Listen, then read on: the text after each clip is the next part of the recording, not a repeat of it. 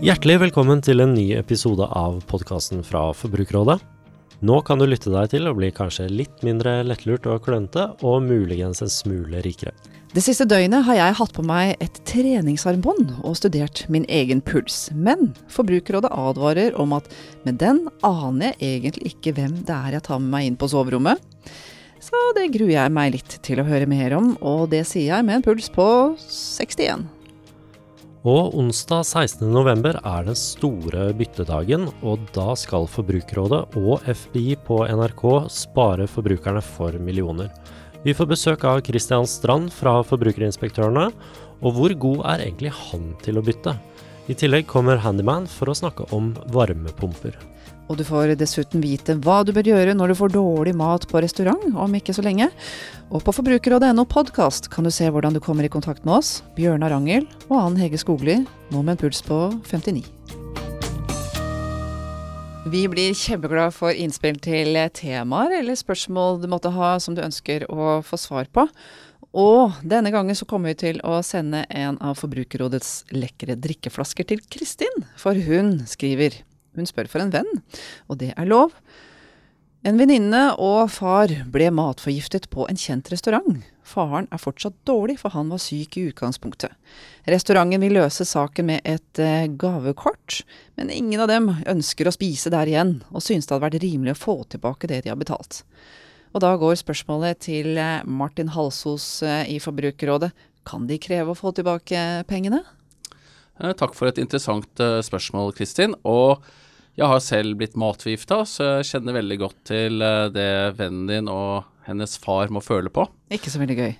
Nei. Eh, og det som også skjer, at når du gjerne har spist på et sted som er dårlig, så blir du kvalm hver eneste gang du går forbi stedet. Ja, og da er det jo ikke så veldig fristende å benytte dette gavekortet de har fått. Nei, og det forstår jeg godt. Eh, Det er slik at eh, når du har kjøpt eh, er restaurant, restaurantgjest, og du har kjøpt en matpakke, på en måte, så skal den være slik som du har bestilt, og du skal ikke bli syk og dårlig av den. Og så er spørsmålet hva kan du be om hvis den er dårlig? Og det vanlige er jo det at er ikke biffen stekt slik du vil, så sender du tilbake den, så steker du den på nytt igjen. Det er jo ikke tilfellet her, for her blir man gjerne dårlig kanskje på slutten av måltid eller rett etterpå. Forhåpentligvis så oppdager du det kanskje ikke før du kommer hjem. Eh, Det, det får vi håpe. Og, eh, men det som man er vanlig å be om, er da prisavslag, hvis ikke de kan gjøre det godt igjen. Og det kan føre til at prisavslaget er hele summen. Men når de da vil ha prisavslag, de vil ikke bruke dette gavekortet, men eh, det er det restauranten tilbyr. Hvordan kan de kreve noe mer da? Eh, Det jeg hadde gjort i dette tilfellet her, er at jeg tatt og skrevet til eh, restauranten og sagt at eh, dessverre, det gavekortet kan du ikke bruke. Vi blir kvalm hver gang vi går forbi restauranten din. Selv om dere lager bra mat, så er det bare fysisk reaksjon. Er det mulig for å få pengene tilbake igjen? Og eh, hadde jeg vært i restauranten, så hadde jeg gjort det, at eh, du kan jo tenke deg, dette kan jo spre seg fort. At de bare fikk et gavekort og en mage som aldri ble bra igjen. Men eh, er det slik at det ikke løser seg, så kan Forbrukerrådet mekle i den saken her. Og det vi vil prøve på, er å få til løsning så både da vennen til Kristin og restauranten er fornøyd med.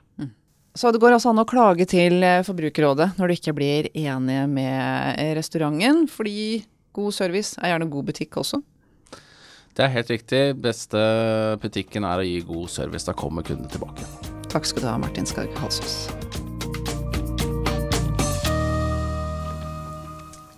Det siste døgnet så har jeg vært eh, usedvanlig selvopptatt, fordi i går så kom eh, Finn Myrstad, som er eh, fagdirektør på digital i Forbrukerrådet, til meg med en sånn treningsarmbånd som jeg har hatt på meg. Så jeg har gått og rett og slett glant på min egen puls.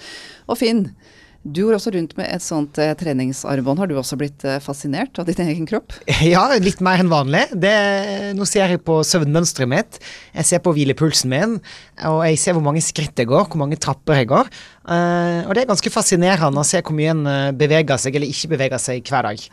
Eh, Hvis du finner frem eh, på telefonen din, så kan du jo da følge med på pulsen din. Og hva er det, Åssen er det hvis jeg stryker deg litt sånn beroligende? Hva, hva, hva skjer da? Skal vi se, da. Nå sånn tar du litt på skulderen. Nå eh, blir jeg sånn avslappa, ikke sant. Ja. Ja, nå eh, ser jeg pulsen min eh, har gått ned fra 80 til 71. Og så skal vi se Kanskje den går ned litt til. For sist gang du Ja, det her var veldig umiddelbar reaksjon. Jeg roer meg ned når du tar meg på skuldra. Du får komme til meg når du blir stressa, da. Ja, så gjør det. Bra. Men du er ikke udelt eh, begeistret for disse treningsarmbåndene. Du har faktisk meldt dem til eh, Datatilsynet og Forbrukerombudet. Hva er det du mener at eh, de gjør som er ulovlig? Nei, altså, det, det, det som er bra, de gjør, er at de kan få folk i bedre form. Og det kan hjelpe folk med å holde orden på helsa si. Og i framtida så kan vi se for oss at uh, disse dataene kan være gode f.eks. For, for leger og følge pasienters utvikling og form og sånn.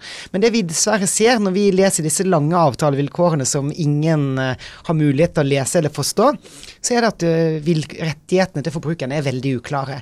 Og det er problematisk fordi Uh, disse treningssambåndene samler veldig mye privat informasjon om deg. Lokasjonsdata, hvor du befinner deg til enhver tid, f.eks.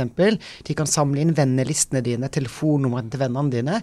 Og de kan kombinere det med ganske sensitive helseopplysninger om f.eks. pulsen din eh, og formen din generelt. da. Og da er det viktig at det er klare og tydelige avtaler som begrenser tjenesteleverandørens mulighet til å f.eks. selge dataene videre. Og det er litt uklart i dag. Det som er fint, er jo at eh, bransjen har gått ut, de som vi har konfrontert, sier at de ikke selger dataene videre, og det er positivt.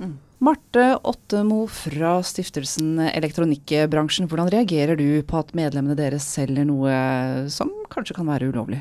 Bare for, å, for at vi får alle fakta klare. De, de medle, fire selskapene som, eh, som er anmeldt, er da ikke medlemmer hos oss, men det er klart kjedene som eh, eh, selger disse produktene, er da, er da medlemmer hos oss. Og, for å gjøre det mm, klart fra starten av, altså produkter som selges i Norge, må følge norsk lov. Eh, og nå er jo dette foreløpig en klage som er sendt inn, så vi eh, avventer og ser eh, hva slags reaksjoner som, som kommer på det. Eh, og så er det veldig hyggelig at du sier som Det det er faktisk ikke funnet noen eksempler på at man selger data videre. Det er også viktig for oss å også få med. Men eh, hvis man nå eh, finner ut av dette etter behandling i Datatilsynet og Forbrukerombudet at eh, det har foregått noe ulovlig, hva slags ansvar tar dere da? Nå er jo norske forbrukere dekt av forbrukerkjøpsloven, og da står det jo ganske klart og tydelig at produkter som selges må være i samsvar med, med norske offentligrettslige krav. Sånn at da har kunden, hvis de ønsker det, krav på å reklamere på produktene. Vi syns jo at det aller beste å få til er å få et felles sett med klare regler som både globale selskaper, som jo dette eh, er snakk om, eh, og som forbrukerne, eh, og som kjedene, som de som selger det, kan forholde seg til. Så, så vi eh, vil gjerne være med på å utvikle bransjenormer som, eh, som kan sette, tilfredsstille disse kravene. Er dere i dialog med produsentene om dette? Som sagt, dette er jo ikke våre medlemmer, så vi har ikke hatt noe dialog med, med de eh, enkelte selskapene på nettopp Og Hva dette. tenker jeg på produsenter generelt, da. Eh, Vi har ikke gått inn i dialog på disse tingene, men vi har jobber jo på flere andre tilsvarende saker som handler om, om eh, privacy og, og personvern, eh, sammen med bl.a. Datatilsynet og Forbrukerrådet, bl.a. på en ny miljøforskrift som er ute og går, hvor vi som bransjeorganisasjon stiller oss bak strengere krav til hvordan personopplysninger skal behandles. Vi mener det er bra for bransjen som helhet, og det er bra for kundene. Hvis vi nå tar en titt på dataene som er samlet inn om meg eh, det siste døgnet, da. Ja. Hva, hva, hva finner du ut om meg som du ikke visste fra før? Nei, det, det jeg, jeg visste jo at du hadde et godt sovehjerte. Eh, men jeg syns kanskje sju og en halv time, det eh, La du deg faktisk halv elleve i går kveld, eller er det her litt løgn? Det, jeg brukte noe av den tiden på Tore Renberg, i hvert fall. Ja, det, det kan jeg se. Det har vært litt ujevnt søvnmønster her, men jeg lurer på om den kanskje starta litt tidlig. Men du har jo en imponerende hvilepuls på 44. Slo jeg deg, eller? Du slo meg. Jeg tror jeg ligger på 46-47, eh, så det her Jeg må gå og trene litt nå. eh, Ta igjen det her. Du som er med på innebandylaget til Forbrukerrådet og alt mulig. Ja, ja. Nei, her må jeg ha trening. Eh, Jeg har litt å ta igjen. Men eh, hva kan du finne ut av meg? Er det noe jeg ikke vil eh, at du skal vite? Du kan se der. Ja, altså, det du kan gjøre når du har på deg Det som er litt av greia med disse eh, treningssambåndene, er at de er på deg hele tida.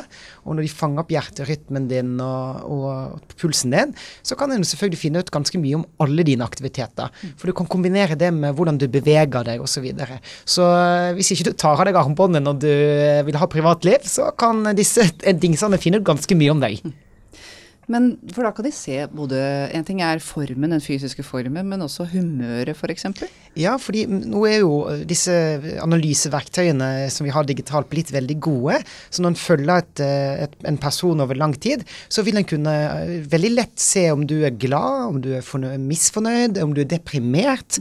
Eh, basert på hvordan du beveger deg, hvordan pulsen din er. Så vi har jo sett eksempler på Apple f.eks., som i fjor sendte, søkte på en patent, hvor de kunne sende følelsesmessig eh, markedsføring. Og det er jo basert på at de har en smartklokke som gjør at de kan detektere folks eh, humør. Og da er det selvfølgelig veldig attraktivt for eh, markedsføre å treffe forbrukere f.eks. For når de er veldig tørste, eller når de er veldig triste og kanskje har lyst på trøstemat. Ja, tilsvarende de som setter sjokoladen ved siden av uh, sanitetspinnene i, i, butikken. Ja, de treffer folk når de kanskje er sårbare for visse, visse typer produkter eller tjenester. Hva kan jeg gjøre for å beskytte meg? Jeg tenker Det viktigste folk kan gjøre Disse treningsforbåndene kan være veldig bra å ha, men du bør eh, lese litt opp på nettet før du kjøper. Finne ut noe som passer for deg. Og så bør du se på eh, tillatelsene du må gi den på telefonen. Hvis den krever f.eks. automatisk tilgang på dine kontaktlister eller din eh, lokasjonsdata, så kan du kanskje tenke deg om. Hvert fall bruk innstillingene på mobilen. Og gå også inn på appen til treningssambandet og sjekk personverninnstillingene på appen. For noen apper er veldig gode, men noen apper deler også din treningsinformasjon og lokasjonsdata til hele verden. Og det må du unngå. Så det var Sjekk eh, telefonens innstillingene, sjekk appen. Og til slutt, når du slutter å bruke tjenesten, så er det veldig lurt at du avslutter kontoen din, sånn at du er sikker på at dataene blir sletta. Gode råd der fra Finn Myrstad, som er fagdirektør for digital i Forbrukerrådet. Og tusen takk også til Marte Ottemo fra stiftelsen Elektronikkbransjen for at dere kom til oss. Tusen takk. Denne podkasten har jo til hensikt å gjøre deg litt rikere, og onsdag 16.11 så har vi planer om å gjøre hele Norge rikere. Da skal vi nemlig sammen med forbrukerinspektørene på NRK klare det. Og Kristian Strand, hva er det som skal skje? det skal skje ganske mye. Vi skal ha én times uh, direktesending sammen med dere i Forbrukerrådet. Hvor vi rett og slett skal prøve å få folk til å spare de pengene som de rett og slett kaster bort ved å ikke få nye avtaler med bank, strøm, forsikring og telefon. Men Kristian, da er vi jo nødt til å spørre, hvor god er du til å bytte selv? Vet du hva, jeg er ikke en veldig, veldig god forbruker akkurat der. For jeg syns ofte at det er litt vanskelig. Det er vanskelig å finne de riktige, gode tilbudene.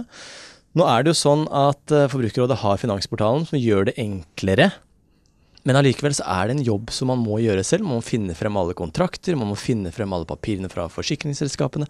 Og for veldig mange så er det vanskelig, også for meg. Det tar tid, og det er liksom å finne tid i hverdagen til å gjøre det.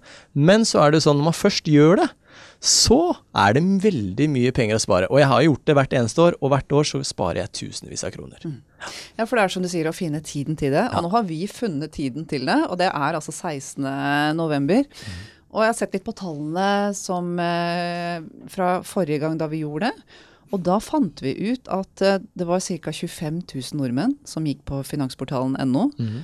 Veldig mange familier kan spare rundt 8000 eh, kroner. Og så ser vi at da kan de altså til sammen ha spart 200 millioner kroner ja, hvis de gjennomførte. Det er enorme summer. Uh, da, jeg, da, tenker, da, flytter vi Norge litt. Ja, man flytter Norge litt, og så flytter man bransjen litt også. Fordi når man har sånne sendinger som dette her, så merker man at man er med på å regulere bransjen litt. Både bank og forsikring spesielt. Og jeg husker jo at jeg var, eh, hadde en reportasje under forrige sending da, hvor jeg besøkte en familie i, oppe på Rælingen, og det var to, to litt eldre. Og jeg banker på døra, og kommer inn, vi gjør alt dette på, på, direkten. Og så kommer jeg inn, og så klarer vi rett og slett å finne ut at hun har en bankrente som gjør at vi der og da kan spare henne for 56 000 kroner. Altså hun har rett og slett eh, ikke snakket med banken sin på nesten 15 år. 56 000 kroner 56 årlig? Kron, 56 000 kroner årlig. Og det, det, er ganske vilt. Og målet vårt er jo at flere skal få den opplevelsen her. Ja. Eh, men eh, hva skal folk forberede seg på til neste onsdag? Nei, Det er jo det som vi kaller som Det er jo drittjobben som må gjøres først. da. Eh, og det er rett og slett at man må uh, gå og finne alle forsikringspapirer. Man må finne ut hva slags renter man har i banken sin. Man må finne de papirene. Når det gjelder strøm, så er det greit å finne målenummer og de tingene som gjør at man enkelt kan bytte uh, og finne ut hva som er beste pris. Og så må man når det gjelder telefon, finne ut hva slags abonnement man har og hvor man har det. Så hvis man klarer før onsdag å, å samle dette her til en pakke, la oss si det, så skal vi rett og slett på best mulig måte guide dem igjennom da, sammen med dere i Forbrukerrådet, sånn at man enkelt skal få byttet. Da er det om å gjøre å bare grave frem eh, disse papirene, og så Ja. gjør finansportalen.no resten av jobben. Da satser vi bare på rekordresultater, så folk kan kjøpe seg eh, en USA-tur, f.eks. For eksempel fordi mange sparer tusenvis av kroner. Så hvis man har noe man har drømt om, som man ønsker, ha det som et mål. Vil man til USA, vil man ha den eh, skjorta, nå er tiden for å, for å gjøre noe med det. Det er gulroten sin. Tusen takk, Kristian Takk for at jeg fikk komme. Vinteren er over oss, og vi kan med sikkerhet konstatere at kulda har satt inn hos de fleste når Svalbard er varmest i landet. 50 000 skaffer seg hvert år varmepumpe til hjemmet, og jeg lurer på om det er smart eller ei, så nå har jeg tenkt å finne ut om det er et godt kjøp. Heldigvis har jeg Forbrukerrådets handyman Jogrim Aabakken til å hjelpe meg med det. Velkommen, Jogrim. Hva er egentlig en varmepumpe? Ja, hva er en varmepumpe? Jeg vil si at varmepumpa kjennetegnes ved to ting. For det første er det en av de få tingene det går an å kjøpe som du faktisk kan tjene penger på å kjøpe. Og for det andre så syns jeg det er en, en magisk oppfinnelse, nærmest. Fordi den klarer på merkelig vis å hente gratis energi fra utelufta. Eh, Men en magisk oppfinnelse, sier du. Hvordan er denne teknologien? Ja, teknologien er komplisert, men det vi kan si veldig forenkla, det er at en varmepumpe består av en utedel og en innedel. Det som er selve magien, det er at utedelen og innedelen er forbundet av noen kobberrør. Inni de kobberrørene så ligger det en helt spesiell gass. Og den gassen klarer å hente varme fra utelufta, selv om den har 20 minusgrader så klarer den å hente varme derfra og bringe inn til innedelen. Det er det som er så magisk. Jeg skal gi deg rett i at dette høres magisk ut, eh, men eh, hvordan finner jeg ut, det er jo sikkert mange ulike modeller her, hvordan finner jeg ut eh, hvor god en varmepumpe er? Ja, det, det, det, er utrolig mye å velge mellom. Det jeg bare vil først si, da, er at det jeg snakker om her i dag, det er luft-til-luft-varmepumper, som er det vanligste. Det finnes mange andre varmepumper som du må bore brønner for, som henter varme fra f.eks. grunnvann, eller fra sjøen, eller fra øh, grunnfjell osv. Men det vi snakker om her, er luft-til-luft-varmepumper. Um, og, og det som du må ha som utgangspunkt når du kjøper en sånn varmepumpe, det er at den har to veldig viktige egenskaper. Den ene egenskapen den står tydelig på energimerket. Og det er årsvarmefaktoren, som også forkortes med bokstavene SCOP. SCOP. Ja.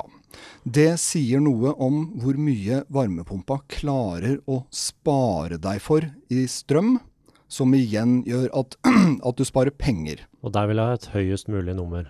Der vil du ha et høyest mulig tall. Men det veldig mange har glemt og glemmer når de kjøper varmepumper, er den andre veldig viktige egenskapen. Og det er effekten. Altså hvor mye varme klarer varmepumpa faktisk å levere. Fordi det ligger et innebygd dilemma i varmepumpeverdenen. Eh, Det er jo slik, som vi vet, at jo kaldere det er ute, jo mer varme ønsker jo du i boligen din for å holde den varm. Samtidig så er det sånn at jo kaldere det er ute, jo mindre varme klarer varmepumpa å produsere. Det vil si at hva varmepumpa klarer å produsere når det er skikkelig kaldt ute, det er det som er viktig. Og der er det store spenn, og det er det dessverre mange som har glemt. Noen varmepumper klarer knapt å produsere varme i det hele tatt når det er minus 20 kuldegrader ute. Andre varmepumper klarer å, å levere 4000-5000 watt varme, selv om det er 20 kuldegrader ute. Det der høres jo ut både ut som et fantastisk produkt, men også som eh, en jungel jeg lett kan gå meg vill i. Eh, Hva hva er din anbefaling her?